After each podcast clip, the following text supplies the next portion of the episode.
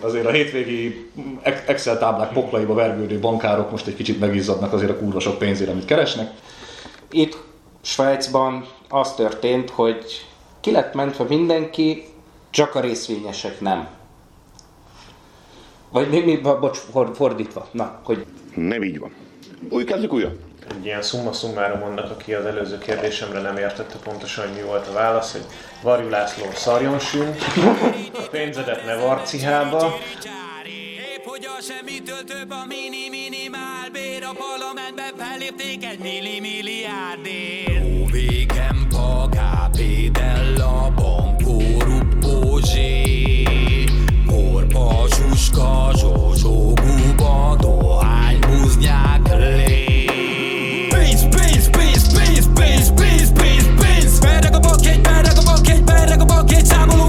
számológép Pénz, pénz, pénz, pénz, pénz, pénz, pénz, pénz Berreg a bakjegy számológép Hagyd el a stresszt, felesleges Hújjon az égből a rengeteg stack. Szak a bátyabembe, be, cipős dobozba. Teszek el belőle idős koromra, kell a della. De nem minden áron ideje lenne már beinvestálnom. Ropogé tízek a 20-as, a 10-es, a piszticsári dolgokra fittyet hányom. Nem fogom húzni az igát. Mamóhoz mormolok imád A pénz körül forog a világ. Vidd a Gucci gumicsizmát A zsuga nem nézi a pedigrét. A tulajdonosának bőrszínét. Őszintén ezen múlik a megítélésed A többi csak vetítés. Tesó kéne még lecsó.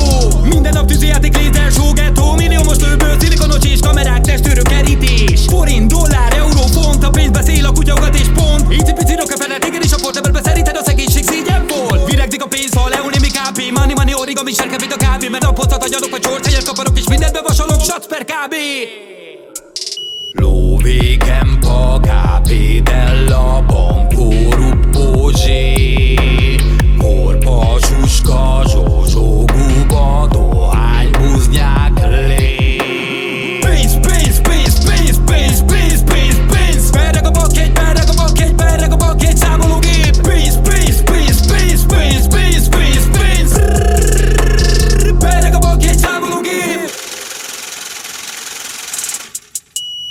csőbomba mindenkinek, ez itt a Vörös Szitja újadik évad eh, legújabb adása, melyben arról is fogunk beszélni, hogy mi a fene történik most a bankrendszerben, és hogy fog ez a fejünkre omlani. Itt van velünk a szokásos krúból Balázs és Gergő, én pedig Tibi vagyok, és uh, Go. Na, akkor go, bazd meg, go. Akkor go. Igen, szóval uh, ki mennyire követi a híreket, mert a magyar sajtó eddig eléggé lassan számolt be arról, hogy mi történik, bár most a hétvégén már egy svájci bankot is ki kellett menteni a svájci államnak, hogy az, az amerikai pénzügyi renderből, rendszerből kiindulva egyfajta bankpánik vagy befektetői pánik kezdett el uralkodni, és ez az adás voltak éppen azért van fölvéve, mert azt éreztük, hogy így kicsit nincs kellő súlyjal kezelve, hogy egyáltalán mi történik. Márpedig az amerikai pénzügyi rendszerből kiinduló válság az előbb-utóbb beült valahogy ide is, úgyhogy jó lenne tudni róla, hogy mi várható.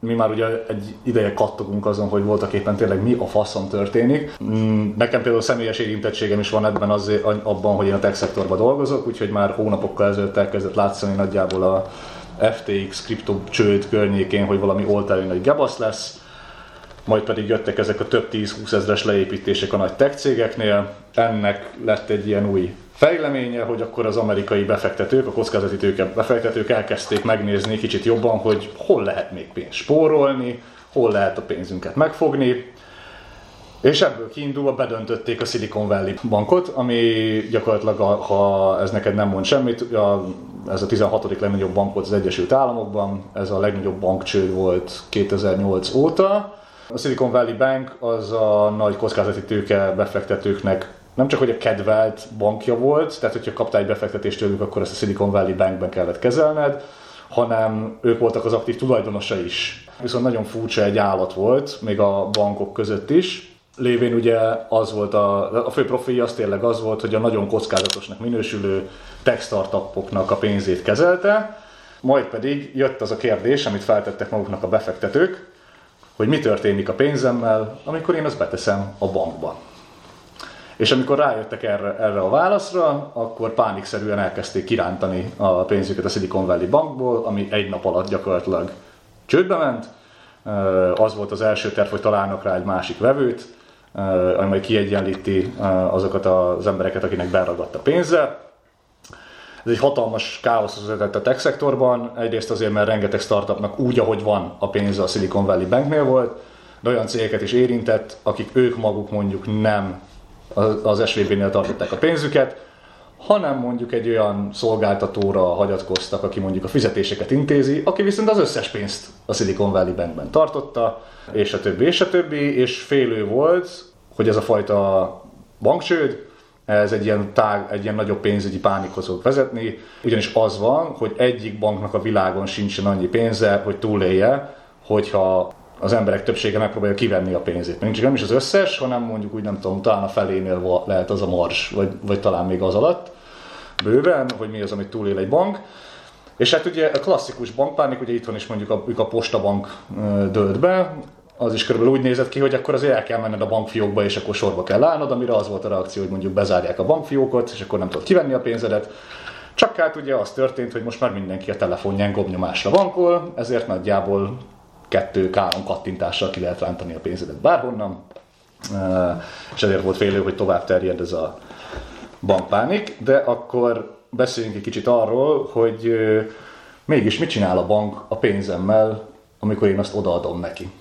Ne ijedj meg, ha ennek a szövegnek a fele ismeretlen nyelven volt számodra, azért is vagyok itt, hogy ebben segítsek. A srácok fognak magyarázni, én csak muglira igyekszem őket visszaszoktatni közben.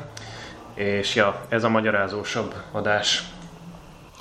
Hát igen, de alapvetően amikor ember elmegy a bankba, ugye mindig szeretné, hogyha ahhoz a pénzhez mondjuk hozzáférne. Ez, ez ugye az alapvető bizalom a bankrendszerben, ez az, ami most megrendült, ez az, amiért ez tulajdonképpen egy ilyen 30-as évekbeli jó, jól ismert, nagyon fasz a bankroham típusú dolog, amikor, és ez tényleg egy ilyen side track, az It's a Wonderful Life, az egyébként nagyon jól megvilágítja azt, hogy hogyan is működik ez a része a bankszektornak, majd fogunk beszélni, hogy egyébként vannak nagyon sok más részei a bankszektornak, de hogy maga az, amikor betétet helyezel, helyezel el a bankban, az azért a mai napig nagyban hasonlít ahhoz a rendszerhez, minden más rárakódásához kívül, hogy beteszel adott egységnyi fizetőeszközt a bankba, azt egyébként vállalja a bank, hogy ezt neked bármikor visszaadja, ő csak egy ilyen őrzővédő szerepet vállal föl, hogy neked ne kelljen azzal szopni, hogy most akkor készpénzben hova teszed, hogy őrzöd, stb. Azt akármikor elmész, akkor hozzá tudsz férni készpénz formájába, vagy másra át tudod ruházni, az pedig ilyen banki átutalás meg társai szintű tranzakció. Majd magának az egész, és ez már egy ilyen későbbi hozománya a bankrendszernek, hogy embereknek olyan pénzre is szüksége van esetenként, aminek jelenleg nincsen birtokában ez a hitelezés, hogy nem csak olyan pénzek fölött tudunk rendelkezni, amik megvannak, nekünk be van téve a bankban, mint betét, hanem tudunk fölvenni hitelt is, amit vagy készhez kapunk, vagy valami más szereplőhöz kerül, de mi személy szerint vállaljuk azt a kötelezettséget, hogy ezt vissza fogjuk fizetni a banknak. Ezt nagyon egyszerűen úgy lehet egyébként elmagyarázni, hogy nagyon nehéz lenne találnod egy olyan embert, akinek szüksége van egy millió forintra két éven keresztül, a bankba bármikor bemehetsz, és azt mondhatod, hogy odaadok neked egy millió forintot, akár határozatlan időre, akár két éven keresztül. Ezt a tranzakciós utat rövidíti le a bank azáltal, hogy kiépült e köré egy intézmény. Ugyanígy nagyon nehéz találni egy embert, aki azt mondja neked, hogy ad neked 10 millió forintot 30 évre, amit nem fog tőled ad, adj Isten, de mindjárt visszakérni holnap, vagy egy hónap múlva, vagy két év múlva, hanem meghatározott keretek módján ezt tudod neki törleszteni ezt a pénzt, amit előre odaadott neked. Alapjaiban véve erre hoztuk létre a bankrendszert, ez történik a pénzünkkel, nagyon leegyszerűsítve, mert bejönnek olyan tényezők is, hogy a bank nem csak azt a pénzt adhatja hitelben, amit elhelyeznek hozzá, hanem ezt különféle, hát talán a magyar szó rá az az, hogy tőkeáttétellel, vagy uh-huh. tő, tőke áttétellel tudja kihelyezni, ami azt jelenti, hogy egy egységnyi pénzre akár mondjuk tízszer annyi pénzt is kihelyezhet hitel formájában, ez az egész pedig egyébként nem mágia, nem becsapás, hazugság, egy, egész egyszerűen azon alapul, hogy te megígéred a banknak, hogy nála tartod a pénzedet, a másik ember meg megígéri, hogy ha adsz neki pénzt, ad neki a, pénzba, ad neki a bank pénzt, akkor azt ő meg fogja törleszteni. Mert hogy abból csinál gazdasági tevékenységet. És valóban ugye a bankok azok abból keresnek pénzt, hogy egy csomó betétes náluk tartja a pénzüket, a bankok pedig kihelyezik ezeket a pénzeket, illetve vannak a többszörösét hitelek formájában, amire bizonyos kamatot szednek be, és ez mind szép és jó, csak az elmúlt tíz évben egy olyan rezsimben éltünk, amikor az irányadó kamatlábak azok ugye nulla környékén konvergáltak, mert az előző válságból való kilábalásra azt a megoldást szülték meg a zsenik többek között, hogy mi lenne, hogyha gyakorlatilag ingyen, ingyen lenne a tőke. Mert hogy gyakorlatilag ez azt jelenti, hogy ha leviszed nullára a kamatlábat, akkor gyakorlatilag bármennyi tőkét lehet injekciózni felülről a rendszerbe, és a hatalmas tech boom, amit az elmúlt mm, évtizedben láttunk, az pont ebből is született, hogy gyakorlatilag a kockázati tőke menedzselés, menedzsereknél irgalmatlan mennyiségű pénz keletkezett, amiket aztán tényleg a elektromos rollertől kezdve a szarás közben pizzát rendelek applikáción át, a tudja is, hogy mi még, mire még féle startupokba mentek, mentek, a, mentek ezek a pénzek. Ellenben, utána miután ez a pénz megérkezik a startuphoz, a startup utána elmegy vele a bankhoz, a banknak pedig valamit kellene csinálni azzal a pénzzel, hogy igazából azt legalább szinten tudja tartani, de 0%-os kamatok mellett ez bizony aránylag nehéz. Ugye a 2008-as válság után hoztak egy, csomó, egy sor törvényt, hogy azért ne egészen történjen meg még egyszer ugyanaz, vagy legalábbis elhiggyék az emberek, hogy nem fog még egyszer megtörténni ugyanaz. Ez volt a Dodd-Frank intézkedéscsomag, ami gyakorlatilag megszabta azt, hogy a bankoknak mennyi likvid tartalékkal kell, kell rendelkezniük, szigorú stresszteszteknek vetette őket alá, hogy különböző ilyen csőszenáriókra legyenek felkészülve, illetve sokkal szigorúbban meghatározta, hogy a, a náluk lévő tőkét azt mit befektethetik, milyen fajta kockázati, kockázatos dolgokba. És ebből ugye az állampapírok és az államkötvények kijöttek, mint egy olyan opció, ami relatíve biztonságos, hiszen azért mondjuk az amerikai állam nem egy hamar fog csődbe menni, ahogy a német sem.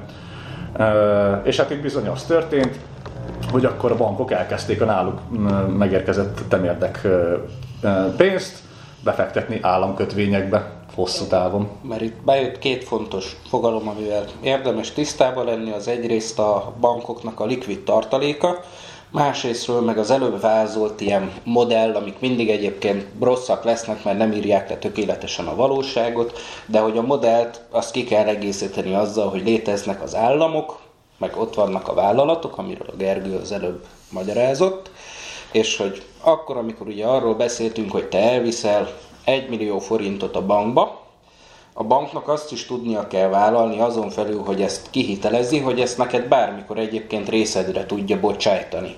Ezért rendelkeznek a bankok likvid tartalékokkal, viszont a pénznek van az a sajátos tulajdonsága a kapitalizmusban, hogy nem szeret egy, nem szeret egy helyben maradni a kapitalizmus a saját működési rendjében azt az egyik halálnak tekinti, amikor a pénz nem csinál semmit.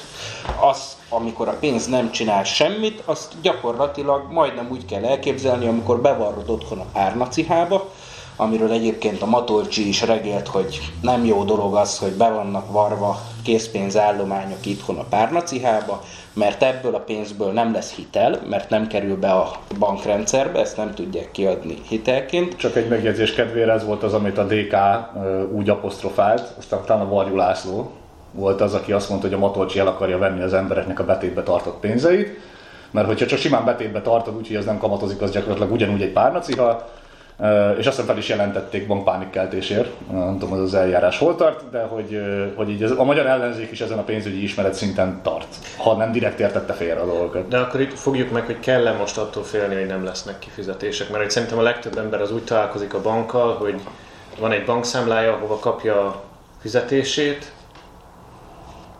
összességében ma ettől a hétköznapi embernek nem kell félnie, mert itt a több száz éves, és ez, és ez tényleg több száz éves hagyománya van a bankrendszernek, mert még a Medici kezdték el először azt, hogy úgymond modern értelemben, vagy bármit közelítendően a modern értelemhez bankról tudunk beszélni. Azóta elég sok olyan szabályozás történt, ami azt segíti, hogy a hétköznapi emberek minél kisebb kockázatot vállaljanak ebből. Ilyen a, ezt a logót egyébként majdnem minden bankfiókban vagy szerződésen, meg hirdetményen lehet látni, ilyen a Obának, az Országos Betétbiztosítási Alapnak a rövidítése, ami azt jelenti, hogy itthon Magyarországon, és ezt a, azt hiszem a 2008-as bankválság után emelték meg ennek a limitjét, és hoztak létre egy teljes uniós szabályozást arra, hogy egységesen ilyen összegen legyenek biztosítva a bankbetétek Európában, egy 100 ezer eurós összegig és minden bankbetét biztosítva van, személyenként, intézményenként. Azaz, hogyha neked van 100 ezer forintod A-bankban, 100 ezer euród, 100 ezer euród A-bankban, meg 100 ezer euród B-bankban, ami a mai árfolyamon nagyjából 39 millió forint, akkor ezt a 39 millió forintot,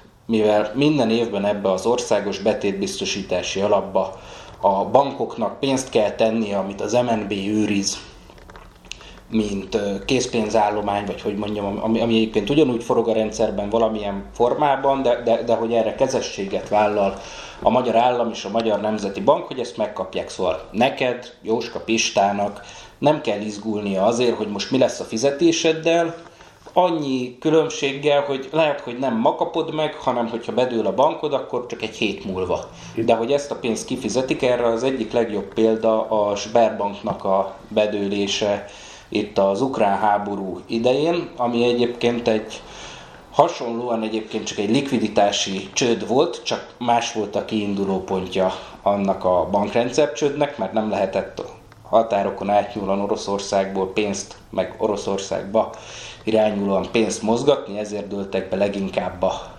zsüberbankok, a bankrendszer meg és itt, itt mondjuk egy kicsit sideline-ra tévedünk, mert hogy ez is olyan, hogy a bankrendszer a, legalább a Great Depression óta, a nagy gazdasági világválság óta össze van kötve egyébként, és össze van hangolva annak érdekében, hogy ne dőljön be.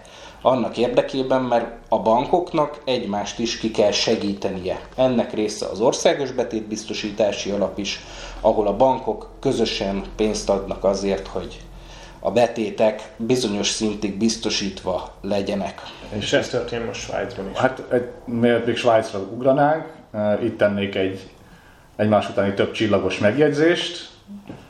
Igen, de. Tehát a, igen, de az, arra ismerünk egy példát, amikor itthon belőtt a Questor, akkor marha sok embernek volt, meg sőt önkormányzatoknak, meg nem tudja még a tökön minek, bőven a biztosítási limit fölötti pénzbe benne a Questorba, ami szépen benniséget a picsába, tudtam, ők nem lettek kártalanítva. A, de a, a, a Questor ez egy nagyon más jellegű dolog, mert a Questornál nekem már nagyon halványan rémlenek ezek a sztorik, és nem olvastam utána, de ott emlékeim szerint konkrét csalás is igen, történt. Igen, igen. És hogy ez is egy olyan dolog, hogy ha nekem van egy értékpapír a nevemre írva, az az én nevemre van írva, és az, az nekem tulajdonviszonyon fűződik.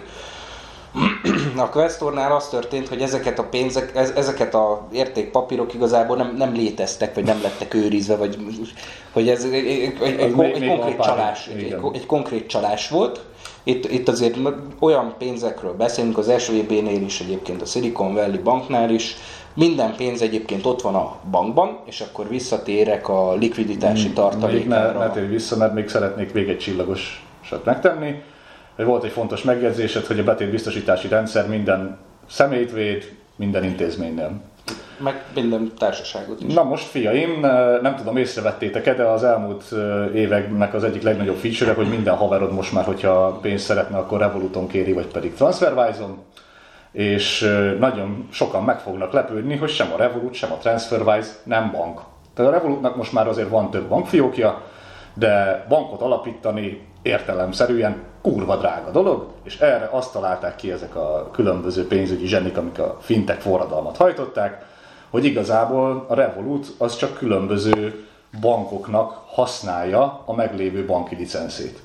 Ez viszont azt jelenti, hogyha neked Revoluton egy fiókod van, akkor az igazából egy kurva nagy bankszámla valahol, ahol utána a Revolut rendszere szortírozza, hogy abban a, azon a bankszámlán melyik pénz az kié, de hogy ez nem van ugyanúgy védve a betétbiztosítási rendszer által, mert hogy a betétbiztosítás az ezt így nem látja, az csak annyit lát, hogy itt vannak ezek a marha nagy tartányi pénzek, és hogyha beüt a krak, akkor ott bizony sokkal több idő is lehet, mire ott kártalanítják az itt, embereket. Itt, itt, itt egy picit félre beszéltél, mert biztosítva van az is a betét biztosítás által, mert hogy annak a pénznek ugyanúgy én vagyok a tulaja, hogyha Revolut fiózém van, szerződésem van, a betétbiztosítási rendszer nem látja azt, hogy elsőre, hogy én vagyok a tulaja, nem első körben leszek kifizetve, de a betétbiztosítás rám is vonatkozik, csak meg kell mutatni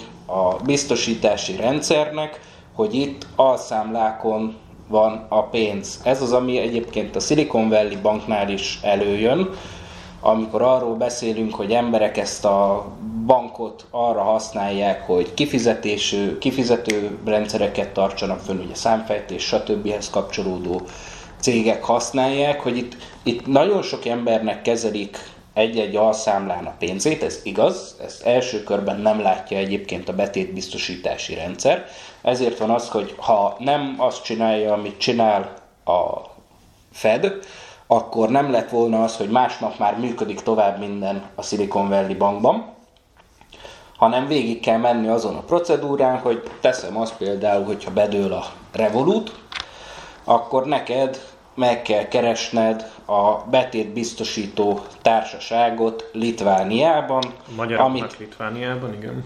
Hát a magyaroknak Litvániában, mert határokon átnyúló nyúló pénzügyi tevékenységet végez jelenleg a Revolut Magyarországon. És ezért is üti az asztalt egyébként a Matolcsi, amit nagyon érdekesen, de erről is lesz talán majd később szó, a Telex és a 444 mintha negatív keretezésben hozna igen, ez, ez, ezért lehet ütni. Egyébként nyilván egyszerűbb és kényelmesebb a vállalatot teljesen Litvániában, előtte pedig Nagy-Britanniában a Brexitig vezetni, mert azért kerültek Litvániába a pénzügyi központból, Nagy-Britanniából, Londonból, Litvániába, mert hogy Brexit történt, de hogy egyébként a betétesek ettől függetlenül védve vannak, annyi, hogy nem holnap jutsz a pénzedhez, amire egyébként a bank neked egy ígéretet tesz bármikor, amikor én pénzt helyezek el a bankban, hanem a betétbiztosítási rendszeren keresztül, és egyébként az is törvényileg meg van határozva, hogy azt hiszem jelenleg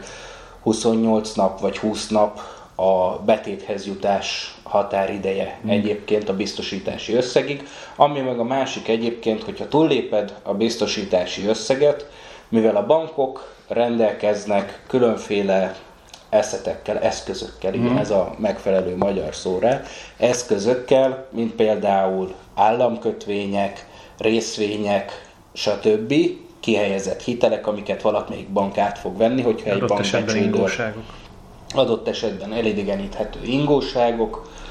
Ezeket is egyébként, hogyha a betétbiztosítás fölött van pénzed elhelyezve a bankban, akkor ezeket meg fogják próbálni kielégíteni. Egyébként az SVB-nél nem is az volt a furcsa a Fednek a reakciójában, hogy mindenkit kimentenek, stb., hanem hogy ezt, ezt milyen gyorsan hozták meg, holott egyébként, hogyha valaki kinyitotta az SVB-nek a főkönyveit, és megnézte részletesebben, akkor igazából az jött ki, hogy a túlnyomó többségét a betéteseknek azokat egyébként pénzükhöz jutottak volna hónapok múltán, mert még arra megvan a határidő, hogy a betétbiztosítási alapot milyen idő alatt kell kifizetni, azt, hogy te egy végelszámolás alatt járó banknak az eszköz, ez likvidálandó eszközeiből mennyi idő alatt részesülsz kifizetésben, az egy sokkal hosszasabb, és a pánikot elkerülendő volt ez a igen, döntés és hogy, Igen, és ugye, hogy erre akarok rátérni, hogy, hogy az egy rendkívüli pénzügyi helyzet, ami a radikális pénzügyi reakciókhoz vezetett, ugyanis az SVB-nél bőven a biztosítási limiten felül lévő ügyfeleket is kártalanítanak, és azonnal, valamint a Fed gondolom ránézett az összes többi banknak a főkönyvére, és abból az kiderült, hogy azért még több mint száz különböző bankon hasonló ilyen parában. Akkor mindjárt majd beszéljünk arról is, hogy maga a para mi volt. És ezért a másik rendkívüli intézkedés, amit tettek, az az, hogy a bankok gyakorlatilag megnyomhatnak egy gombot, hogyha likviditási gondjaik vannak, akkor kapnak egy kölcsönt az államtól, amivel ezeket a, a tehát ki tudják fizetni az ügyfeleiket, hogyha esetleg érni őket egy bankról. Amivel ugye az a probléma, hogy ennek ugye nincsen meg az a fedezete, mint a biztosítási rendszernek van, hogy, hogy oda fizetnek a bankok, hanem ezt ugye gyakorlatilag adófizetői pénzből kell kielégíteni. Nyilván a, nekik az az indoklás csak, hogy, hogy, hogy megállítsák a pánikot, és hogy ne álljon le a gazdaság, mert hogy annyira lesz mindent az egész, hogy muszáj, nem, hogy már azt sem bírja ki, hogy ez a hagyományos csődeljárás és felszámolás lemenjen, hogy nem ennek azonnal pörögnie kell tovább. Viszont teljesen jogosan azért egy csomó ember ki van ezen akadva, hogy miért kártalanítjuk a kaszinó kapitalizmusnak a haszonélvezőit. És ugye a különösen a Silicon Valley Banknél azért érdekes ez, hogy a, hogy a, a banknak a részvényesei azok nincsenek kielégítve, és egyébként a bank részvényeknek a bezuhanását ez, ez is okozza részben, hogy hirtelen a, a, azok, akiknek bankrészvényeik vannak, rájöttek, hogy ők bizony nincsenek megvédve, és hogy a bankok valójában sokkal-sokkal sérülékenyebbek, mint eddig tűntek. És akkor beszéljünk erről a interest rate risk, hogy fordítsuk le szépen magyarra ezt. Kamatláb kockázat. Szóval, hogy, hogy szart be mégis az egész rendszer, miután arra volt ösztönözve, tehát, hogy gyakorlatilag az történt, hogy volt egy fajta ilyen pénzügyi eszköz, ami rendkívül biztonságosnak volt elkönyvelve, még a szabályozás szerint is. Majd kiderült, hogy olyan kockázat van benne, ami gyakorlatilag bankdöntő likviditási problémákat okoz, hogyha a jegybank úgy dönt, hogy feltekeri a kamatlábakat a gecibe. Egyébként még nem mondtad el, mi az a likviditási alap egy banknál, de egy ilyen summa summarum annak, aki az előző kérdésemre nem értette pontosan, hogy mi volt a válasz, hogy Varjú László szarjon sűn, a pénzedet ne varcihába, az sose baj, ha van otthon egy kis készpénz, de, Ne tarts 30 millió forintot a Revoluton, de az se hülyeség, ha nem tartasz ennyi pénzt a Revoluton. Szóval likviditási alap aztán folytathatjátok, csak nem mondtátok el. Igen, ugye a likviditási tartalék, mert ugye korábban ugye még az adás elején felvázoltuk ezt a modellt, ahol voltak a lakossági, meg vállalati szereplők, akiknek van pénze, viszont van egy másik szereplő is tulajdonképpen az egész pénzrendszerben, aki az állam, aki a pénznek a mindenkori tulajdonképpen kibocsátója és tulajdonosa, ha úgy tetszik. Ez, mert, mert, hogy, mert hogy nem beszélünk másról, amikor legal tenderről, meg egyebekről beszélünk, mint fizetőeszköz, a magyar forint is, vagy az USA dollár, ezek mögött mind ott áll az az államhatalom, ami biztosítja azt, hogy ezek cserélhetőek és van értékük. És akkor ott van az, hogy van az állam is, aminek vannak finanszírozási igényei, és az államnak is alkalomattán szüksége van hitelekre, ugyanúgy, mint ahogy magánszemélyeknek, vállalatoknak szüksége van hitelekre, ugyanígy az államnak is szüksége van hitelekre. Az állam hiteleket többek között és leginkább nem másban vesz föl, mint kötvényekben, államkötvényekben, ami a kötvény az, hogy nagyon leegyszerűsítsem, bár kérdés, hogy ez mennyire egyszerűsíti a dolgot, azt jelenti, hogy hitel viszont megtestesítő értékpapír, ami nagyon egyszerűen azt jelenti, hogy azt mondja a magyar állam, vagy azt mondja valaki, aki a magyar állam kötvényét, vagy az amerikai állam kötvényét szeretné megvenni, hogy ad 100 egységnyi pénzt azért a államnak, hogy azért kapjon 4% kamatot. És akkor ad 100 forintot Jóska Pista a magyar államnak, amire később fog kapni vissza 104 forintot, mert a kötvény ki fogja fizetni a névértékét, azt a 100 forintot, amit kiadtam neki, meg tartozik nekem a magyar állam 4 forint kamattal. Ami a legtutibb business ever, eh, és most úgy is néztek ki nagyjából, hogy, az, hogy vettél, nem vannak három hónaposak, két hónaposak, egy évesek, két évesek, öt évesek, tíz évesek ezekből a kötvényekből, mind-mind különböző ígért eh, hozamokkal, ami nagyjából nincsen túl eh, túlságosan elrugaszkodva az éppen irányadó kamatláptól, mert nyilvánvalóan így jön ki a matek. Igen. Ellenben, hogyha a jegybank elkezdi szépen feltekerni a kamatlábakat, De ez kicsit megborítja ezt a rendszert, mert hogyha nekem van egy kötvényem, amit én vettem 100 forintért, és lapok érte két év múlva 104 forintot, de közben az alapkamat fölment 4%-ra, az azt jelenti, hogy ennek a kötvényemnek az értéke csökkent. Igen, mert itt, és itt szerintem mindig ami a kulcs szó, az a kockázat, kockázat, kockázat, mert itt mindenki kockázatokat fut. Én kockázatokat futok akkor is, amikor pénzt rakok a bankba. Kockázatokat futok akkor is, amikor pénzt adok kölcsön az államnak. És hogy ezeket a kockázatokat mindig igyekeznek az emberek árazni. És ez alakítja ki a kötvényeknek, hiteleknek is az értékét, azt, amin elszámolunk egymással a pénzzel. Az, hogy milyen kockázatokat futunk. Amikor alacsony kockázatokat futottunk, amikor rengeteg pénz volt, akkor voltak az, hogy zarér húgyér lehetett kapni hiteleket, és senkit nem érdekelt semmi. Ez volt nagyjából, hát a 2008-as válság lefutása után, 12 nagyjából, igen, 12 környékétől nagyjából 2019-20-ig. Ott egy nagyon komplex probléma jött be, azt most ebben az adásban nem fogjuk érinteni, viszont onnantól kezdve egyre több kockázatot kezdtek el futni azok az emberek, akik, és ez mindig egy nagyon fontos szó, akik pénzt birtokolnak, mert ez azért valljuk be, mindig azokról szól, akiknek pénzük van. Akár egy millió forintjuk, akár egy milliárd forintjuk, de azokról szól, akiknek pénzük van. És akkor a kötvények esetében én, hogyha adok valakinek 100 forintot kölcsön 4%-os hozamra, amiért lesz nekem a lejáratkor 104 forintom, nekem mindig ott van az a kockázatom, hogy nekem erre a pénzre szükségem lesz később.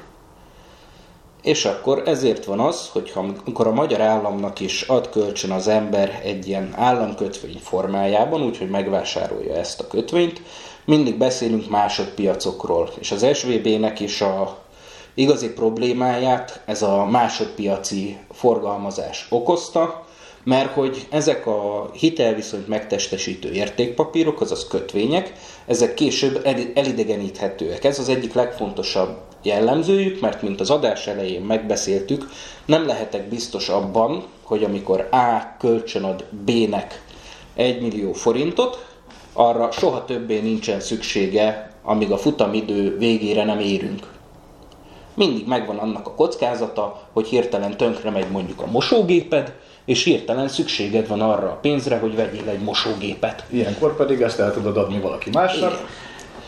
Igen. Igen. És, És ugye csak hogy a, a kötvénynél nem úgy működik, mint egy sima bankbetétnél, ahol ennek egy részét ki tudod venni, tehát ez is fontos különbség, Hát itt magát a követelés. kis és nagy szinten is. Igen, mert, mert, mert itt különböző dolgokra teszünk egymásnak ígéretet. Mert még amikor te elhelyezel egy bankbetétet, akkor arra teszel ígér, ak- akkor arra tesz a bank neked tulajdonképpen ígéretet, hogy 100 forint elhelyezett betétér, 100 forintot ad vissza. Te csak letétbe helyezed tulajdonképpen a pénzedet a banknál, és ez, amikor te egy kötvényt megvásárolsz, akkor viszont kölcsön adsz.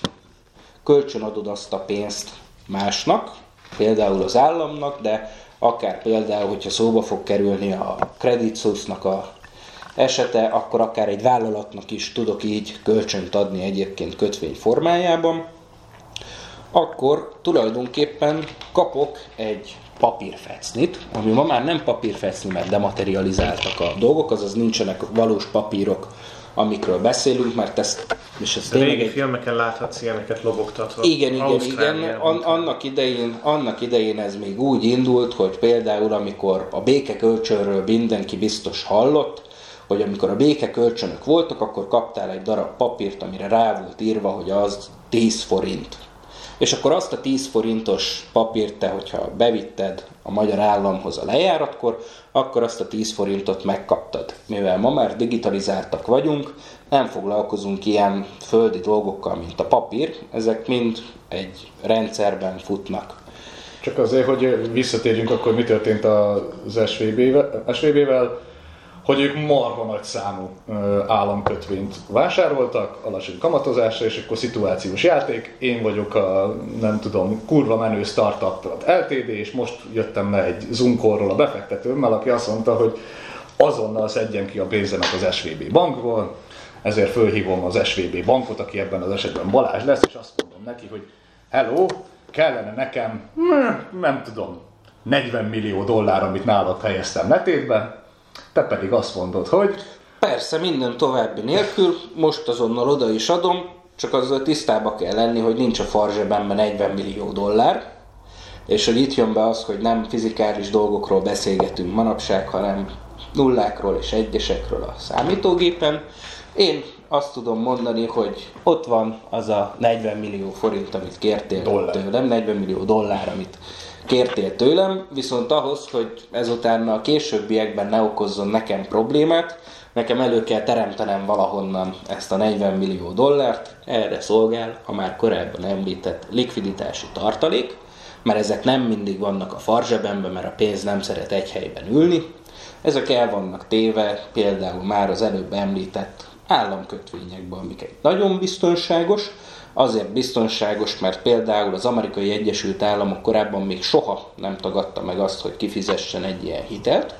Azaz te, hogyha kölcsön adsz pénzt az amerikai államnak, biztos lehetsz benne, hogy megkapod, azt a pénzt, azt a névértéket, amire te szerződtél, az már más kérdés, hogyha te ezt idő előtt szeretnéd megkapni, akkor körbe kell nézned a teremben, hogy ki az, aki hajlandó tőled megvásárolni ezt a kötelezettséget.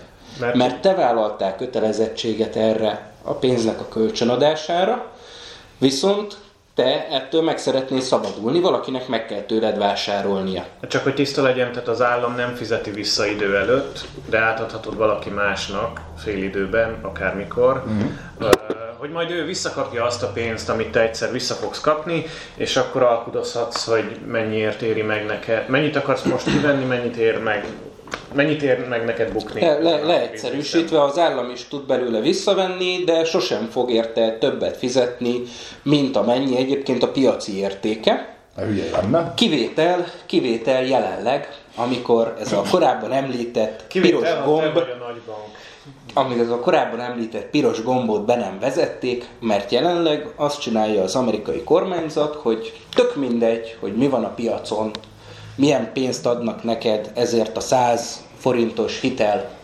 pénzért, Ami amúgy csak hogy legyen meg, a, hogy simán pöröghet, mivel hogy annyi, akkora lett a különbség az irányadó kamatláb meg ezek között a, ezeknek a kamatozása között, hogy bár százalékban kicsi, azért gyorsan összeadódik arra, hogy mondjuk maradva a 100 forintos példánál, azt most a másodpiac azt mondja, hogy adok érte 86 forintot. Tehát ott kereskezett egy ilyen enyhe méretű lyuk, amit pont egyébként még be, nem dőlt a Silicon Valley-ben, pár hete számolta ki az amerikai pénzügyi felügyelet, hogy ez a fajta ö, kamatláb kockázat, ez mekkora veszteségekhez vezetett. Tehát, hogy nem vezethet, hanem hogy mekkora veszteség keletkezett, ezt pár hete számolták ki, akkor 620 milliárd dollárnyi pénz égett el, és vagy a pénzügyi szakszóval élve vaporizálódott, és most ezért került bevezetésre ez a piros gomb. Azt, azt mondjuk hozzátenném egyébként, hogy csak látszólagosan vaporizálódott, mert ezek a hitelviszonyt megtestesítő értékpapírok lejáratig tartva vissza fogják fizetni a névérték plusz kamatot, meg esetleg menet közben is fizetnek kamatot a névértéknek megfelelően. Viszont jelenleg, hogyha valaki meg akar tőle szabadulni, és ugye ez az egyik ilyen kulcs szó a likviditás, hogy a pénz folyamatosan gazdát cserél, és folyamatosan mozog, forog, hogyha ettől valaki idősze, idő előtt meg szeretne szabadulni, akkor csak azt a pénzt fogja érte megkapni, amit szerinte, amit a piac szerint, amit a teremben lévők szerint ez a darab papírfecni vagy ez kötvény ér. És hogy itt, itt jön be a fontos részlete ezeknek a kötvényeknek, hogy ezek tudnak forogni a névérték alatt is, meg felett is. És az a egyébként gyönyörűsége az egésznek, hogy nem egészen három-négy évvel ezelőtt egyébként azért fizettek bankok, meg vállalati szereplők, hogy pénzt tarthassanak ilyen biztonságos formában, mert amikor a banki alapkamatok olyan nagyon alacsonyan voltak, akár még negatívban is, akkor az történt, hogy ezeket a úgymond forró pénzeket, amiket te kölcsön adtál az államnak, azt mondták, hogy negatív kamatot adnak rá. Kevesebb pénzt fognak visszaadni neked, mint amennyit te kölcsön adtál nekik, az államnak, viszont ezért cserébe bármikor biztos lehettél abba, hogy ezt a pénzt megkapod. Meg, hogy a lejáratkor ezzel a pénzzel rendelkezni fogsz. Ezt, hogyha valakinek kölcsön adom, kihitelezem, gondolj csak a 2008-as bankválságra akkor, hogyha úgy tetszik, nem biztos, hogy megkapod. Jön egy válság, stb., mint amit most is élünk, emberek elveszítik a munkájukat, ezt a pénzt, hogyha mind kihelyezem a piacra, és kölcsönadom embereknek, vállalatoknak, nem biztos, hogy hozzájutok. Az államokhoz, nagyjából a Szovjetuniót leszámítva annak idején, én nem igazán tudok olyanról, aki valaha azt mondta volna, hogy nem fizetem ki ezeket. A 19. században voltak erre még azért próbálkozások, és azért nem próbálkoznak vele, mert általában azonnal megszállnak az amerikaiak. Szóval ennyi a, a modern pénzügyi rendszer stabilitását David Gable szerint is jó az, az amerikai hadiflotta garantálja. Igen, de hogy akkor tulajdonképpen, hogy összefoglaljam, jelenleg az történik, hogy ezekbe a biztos, lejáratig tartott eszközökbe beforgatott pénzek, amiket a bankok beforgattak államkötvényekbe, ezek az emelkedő kamatok hatására, amit az infláció megfékezésére vezettek be a központi bankok,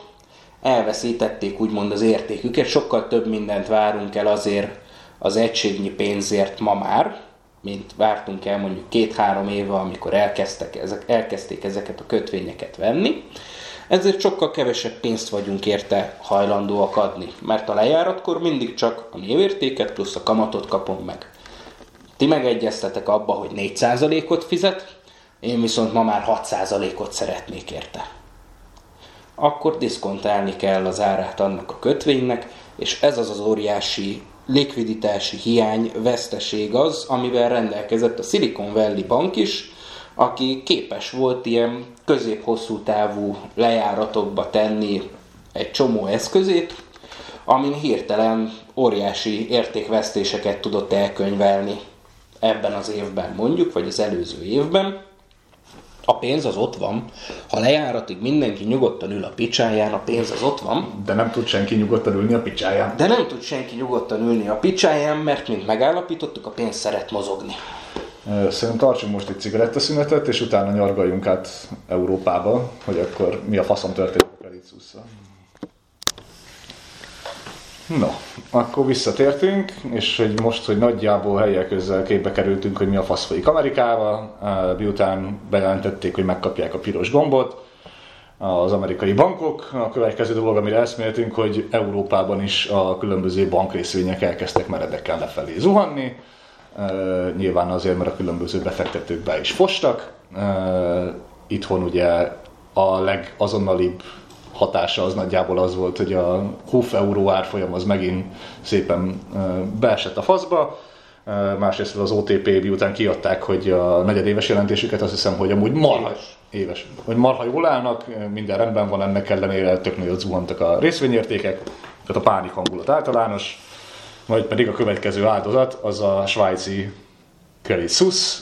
És hozzátenném egyébként azért volt akkor a pánik itt Európában is, mert egyetlen szereplőt nem mentettek meg Amerikában ennek kapcsán, azok a részvényesek, és akkor itt kapcsolódunk be Európába, és hát szerintem Svájcot azért nem kell bemutatni egyik hallgatónknak se, mert a svájci bankszámla és egyebek, ha máskor nem is, de Kósa Lajosnál a híres csengeri örökös nővel biztos, hogy előjött a svájci bankszámla, és a svájci tőkebirodalom. Adócsaló hallgatóinak nem kell bemutatni Svájc vonzó természetét ebben a az, az, az meg a másik, hogy mindakik 56, mindakik figyeltek, azok tudják, hogy Svájc egy biztos pontja volt Európának, aminek az alapja mindenkor az volt, hogy a Svájcba tetted a pénzedet, biztonságban van.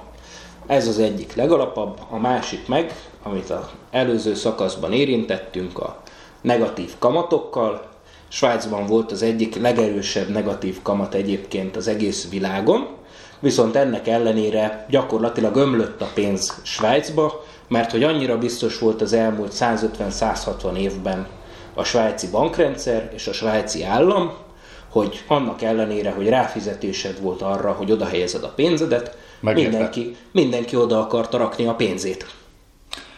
És akkor egyik napról a másikra gyakorlatilag a Credit Suisse szintén bejelentett, hogy akkor ő szeretne a svájci egy- egybankhoz fordulni, mint a mi ennek a Lender of Last Resort, az utolsó hitelező. Hát mint végső kezes, vagy igen, a- vé- végső kötelezettségvállaló. Tehát, hogy ez a igen, ez a klasszikus vicc, hogy be, bejelentjük, hogy minden rendben van, és innen mindenki tudja, hogy kurva nagy pánik van, mert amikor a Credit Suisse azt mondta, hogy akkor mi a svájci jegybanktól likviditási gondunk ugyan nincs, de ha lenne, akkor szeretnénk, mennyi, 50 millió, ami elég horribilisen nagy összeges credit line-hoz fordulni, és innentől kezdve a Credit Suisse-on is átment a kaszás gyakorlatilag, és paradox módon az előző válságnál, ugye a másik nagy bankjuk, ez az U- UBS, tehát az előző válságnál az volt a vicc, hogy a, hogy a Credit Suisse hozta meg. Nagyon jól, és a UBS volt nagyon megtépkedve, mégis szó is volt arról, hogy a Credit Suisse megveszi a UBS-t, most pedig ugye ott vagyunk, mm, milyen nap van ma hétfő,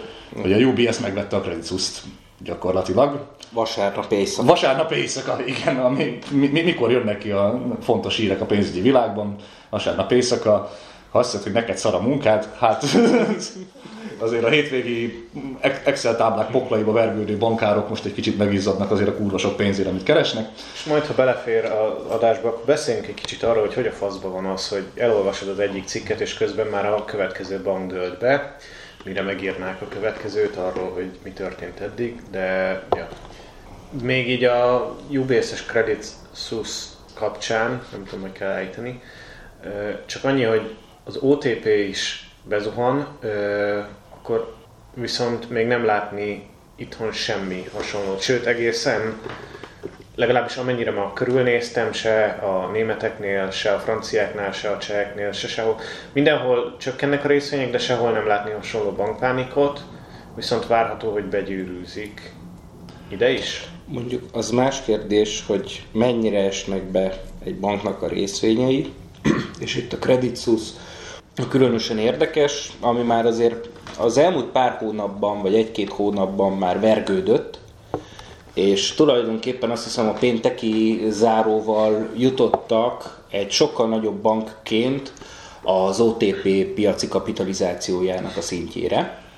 Igen, tehát hogy onnan is, ott ugye azt hiszem a szaudiak voltak azok, akiket megkérték, mert ugye a 9,9%-a volt a szaudiaknak a kezében, és megkérdezték őket, hogy akarnak-e tőkét emelni a bankban, és mondták, hogy hát biztos, hogy nem, aminek egyébként részben az az oka, nem azért, mert Dózsa György külföldi ügynök volt, hanem az, hogy, hogy azzal már ugye olyan felelősség is járult volna, mint a 10% feletti tulajdonosok, amit nem akartak vállalni a szaudiak.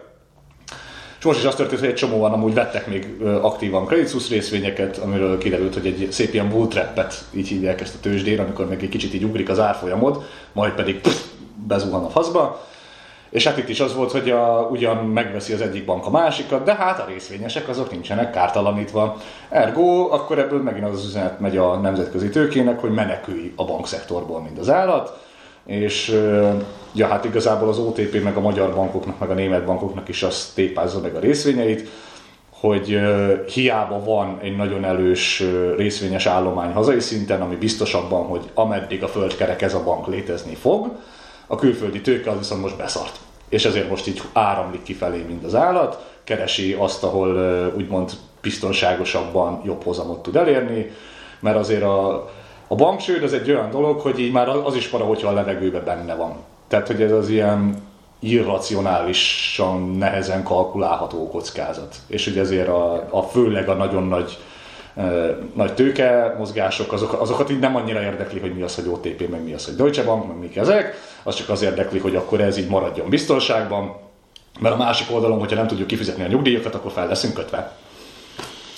És itt kicsit egyébként kezdjük szétfeszíteni a kereteit ennek a hát, ismeretterjesztő anyagnak.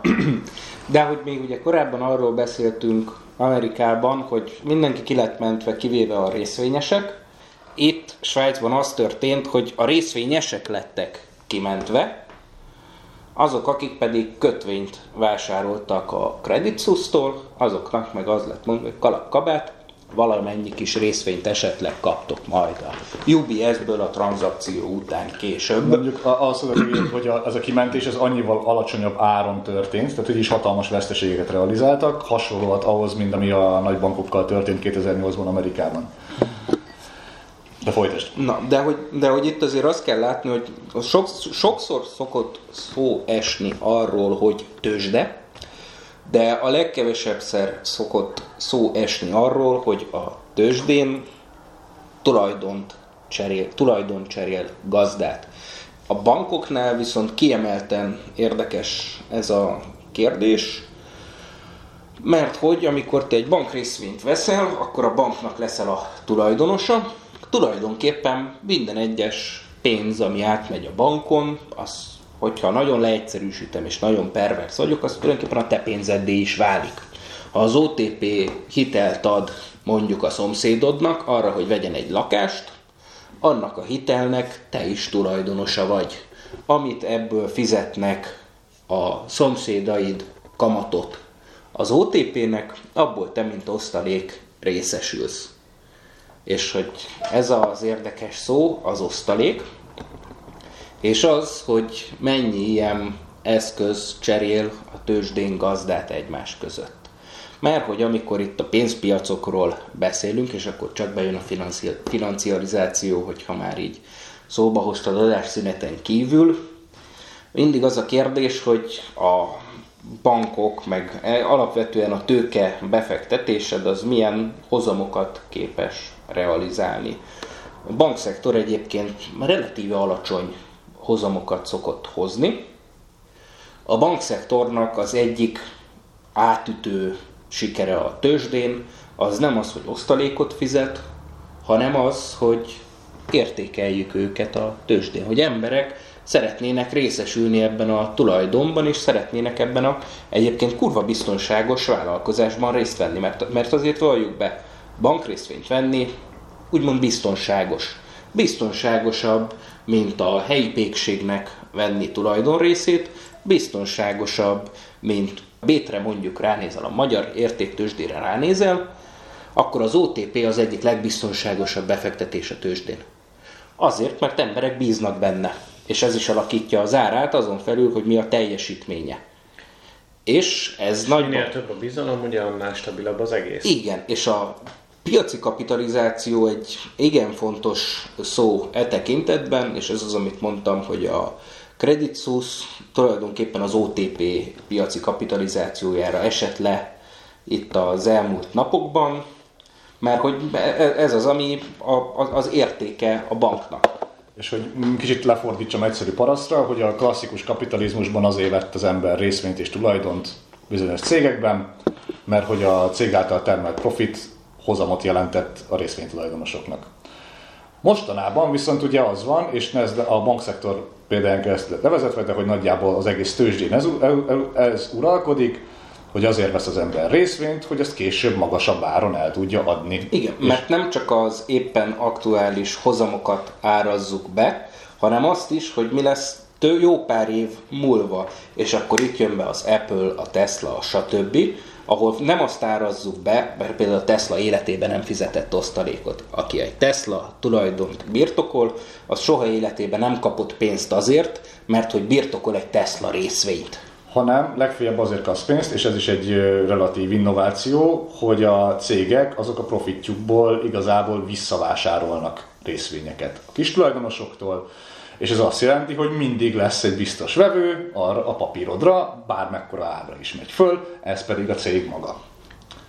És Ez itt a- jön be a bankszektor, aki nagyon szereti a saját részvény tranzakciót, és egyébként a főkönyvekben bizony igen-igen szerettek olyan eredményeket kihozni, hogy erre legyen lehetőség, és ezt meg tudják valósítani. És ö, nagyjából azt hiszem itt tartunk most, mert hogy azt jelenti, hogy, ö, hogy a bankok jobbra-balra csődölnek be, és így zuhannak a részvényeik, akkor azok, akik ebben a modellben bíztak, azok ugye hát kilőtték gyakorlatilag alul, aluluk a bizniszmodellt. És ezért menekül a pénz a bankszektorból. Azt meglátjuk, hogy mit hoz a jövő ebben a tekintetben, mert pont az a lényege, hogy hiába tudod racionálisan levezetni, hogy nagyjából mi van. Itt is ez minden ilyen túl mediatizált válságnál azzal, hogy az ember el tud veszni órákra Twitteren, hogy megpróbáld megérteni, hogy mi történik. Sokkal előrébb nem jutsz, mert hogy pont az, hogy pánikszerű, és amit a Tibi is mondott, hogy mire olvasod az egyik cikket, már kijön a másik. Mert hogy ugye az is van, hogy amit korábban mondtam, hogy gomnyomásra történik a tőzsdézés, emellett a befektetők azok szintén ugye különböző grupcsetekbe tömörülnek, pánikokra hajlamosak, együtt mozognak, nagyon érzékenyek a hírekre, és a többi, és a többi, és hogy van egy ilyen mimetikus hatása is az egésznek. Tehát az hagyján, hogy a, a szofisztikált befektető mondjuk megnézi a papírokat, meg megnézi, hogy mik az alapok, a kevésbé szofisztikált befektető az meglátja, hogy banknév, rossz hír egymás mellett, és már mozgatja is ki a pénzét. Úgyhogy iszonyatosan, hát most volatilis, jobb, mi ennek a szép magyar. Gyulékony, robbanékony, a változékony, változékony, változékony most a helyzet. És akkor ugye ez felmerült, hogy mit érdemes követni, ez már nekünk ilyen régi viccünk, de amit adásban nem mondtunk, de hogy aki mondjuk a forint-euró árfolyamot azt szerint vásárolta, hogy mit olvas mondjuk a 444-en meg a Telexen, azt szerintem most egy 50%-os buktába lehet, így a nyaralási szezon előtt. A napi Bármi meglepő Orbán Viktornak nagyon kevés hatása van a forint-euró árfolyamra? Annyi, arra igen, annyi érdekes, hogy a svájci példa azért intő, mert hogy ott is a, a politika és a tőkének egy ilyen nagyon szoros összefonódása van, tehát ott is ugyanaz a, az a, az a nemzeti bajnok stratégia, amit Orbán Viktor szokott vázolni, annak a modellje Németország és Svájc. Tehát ami a német és a svájci bankrendszerrel történik, az igazából egy sokkal komolyabb intő példa számunkra, és annak a tükrében érdemes megnézni, hogy a Matolcsi György meg az a másik jó képességű miket szokott összevitatkozni, mert hogy... Varga Mihály? Nem, nem a Varga Mihály, hogy hívják ezt? Nagy Márton. Azaz. És hogy, hogy, hogy itt ezeket már, mint hogyha hogy a, a, hogy a Magyar Jegybank ugye sokkal előbb elkezdte ezeket a kamatemeléseket, és hogy azért valószínűleg számoltak vele, szemben a Feddel, hogy itt most meg fognak szopatni jó sok, jó sok céget, Úgyhogy ennek a Silicon Valley Bank típusú kraknak az esélye kicsi. Igen, és, és, és, és ez igazából a legszórakoztatóbb számomra az egészben, hogy amennyire volt a Matolcsi egyébként kritizálva azért a kamatemelési ciklusért, amit itt lefolytattak, ha jól rémlik 2021 nyarától kezdve, azzal a fokozatos lépcsőzetes emeléssel tulajdonképpen most ebben a, ezt a válságot szemlélve szerintem masszívan beelőztek mindenkit itt az európai és amerikai piacon, mert hogy kamatemelések egyébként nem akkora, mint itthon, de hogy, és itt beszéltünk arról, hogy mik a közép-hosszú távú stratégiák abban, hogy pénzt helyezel el egy államban, azért magyar államkötvényeket az emberek nem 30-50 éves távlatokra szoktak venni, vannak ilyenek is, de nem, amerikai államkötvényt akár hosszú távra is vennek, és ez volt a SVB-nek az egyik átka, hogy ők hosszú lejáratban az amerikai kötvény struktúrához képest hosszú lejáratú kötvényeket vásároltak, és ebbe buktak bele tulajdonképpen. Itthon pedig volt idő fölkészülni erre a sokra, ami éri a bankrendszert tulajdonképpen azáltal, hogy itt zajlik egy kamatemelési ciklus. Nem is volt egyébként ez titkolva soha a Matolcsi által, hogy itt ez zajlik, és ezt fogják csinálni. A Fed részéről meg azért mindig megy a találgatás, hogy most, most akkor lesz kamatemelés, nem lesz kamatemelés. Itt, itt azért, és ez, ez már tényleg a nis része egyébként a gazdasági újságírásnak, de a magyar kamatemelések nagyon jól bejósolhatóak voltak, és a tetejét is nagyon jól el lehetett találni. Ezzel ellentétben a Fednek egyébként a kamatemelési politikája ilyen tekintetben sokkal kiszámíthatatlanabb volt. Igen, és hogy, tehát, Matolcsi lehet, hogy egy babonás arc, aki fél a 8-as meg a 13-as számtól, és az icsingből jósolja meg, hogy éppen milyen lépéseket kell tennie. Ennek ellenére úgy tűnik, hogy a makropénzügyekhez kurvára ért, úgyhogy úgy néz ki, hogy ezt a az első körét a nagy gazdasági válság bankpánik fázisának úgy néz ki, hogy megússzuk, de ja, amúgy pedig, hogy csak hogy visszakerekítsek, a magyar nyelven napfont meg a portfólió az, ami értelmes gazdasági jelentéseket szokott kiadni. Utazáson a Balkánon, ülök egy száguldó vonaton, kiszállok én, csak foglalom a helyet, valaki másnak vettek ide jegyet, kizárom magam a mából, ebből a tolakodom ut a világon, kizárom magam a végre, ne jusson minden az ördög kezére. írva, vissza, másrészt pedig angolul, hogyha nem akarsz elveszni a Twitteren, akkor a Mastoller meg a David Levine a Bloombergnél az, amit érdemes körülbelül követni, meg még egy-két ilyen van, amik így ilyen napi szinten ö, küldik ki ezeket, de a másik része meg ugye azt mi is tapasztaljuk, hogy mivel a magyar gazdaság azért be van integrálva a globális gazdaságba, ezért a hallgatók között is elképzelhető, hogy egészen meglepő módokon fog majd szembe jönni az, hogy a bankválság téged hogyan érint, és valószínűleg sokkal gyorsabban, mint hogy az bármilyen címlapot elérne. Így ezeket a tippeket nyugodtan küldhetitek a vörös szitjának, vagy a nem kinövömnek. Ö, És szerintem a mai adás az Egy kis marketing még itt, hogy hamarosan majd következünk egy további adással a témában. Ha tetszett, amit hallottál, akkor lájkold, oszd meg, küld el a barátaidnak, küldj kérdéseket. Van most már egy Kofi oldalunk, ahol támogathatod is a működésünket, akármilyen összeggel, ami neked tetszik, hiszen mi is pénzből tudjuk ezt fenntartani. Úgyhogy a továbbiakban is ha szeretnél hasonlóakat hallani, vagy ha nem szeretnél hallani, akkor azt is megírhatod, csak küldj mellé pénzt. Ö, ja, hajrá, Ö, ez volt a vörös szitja, mi a fasz van a bankrendszerrel, gazdaság ö, egyszerűsítő összefoglalója. és Van-e végszavunk? Továbbra is kénytelenek vagyunk longolni a kapitalizmust, bármi legyen éppen az aktuális pánik, mert hogy végeredményében a kommunizmuson kívül még más alternatíva nem merült föl, hogy lehetne csinálni.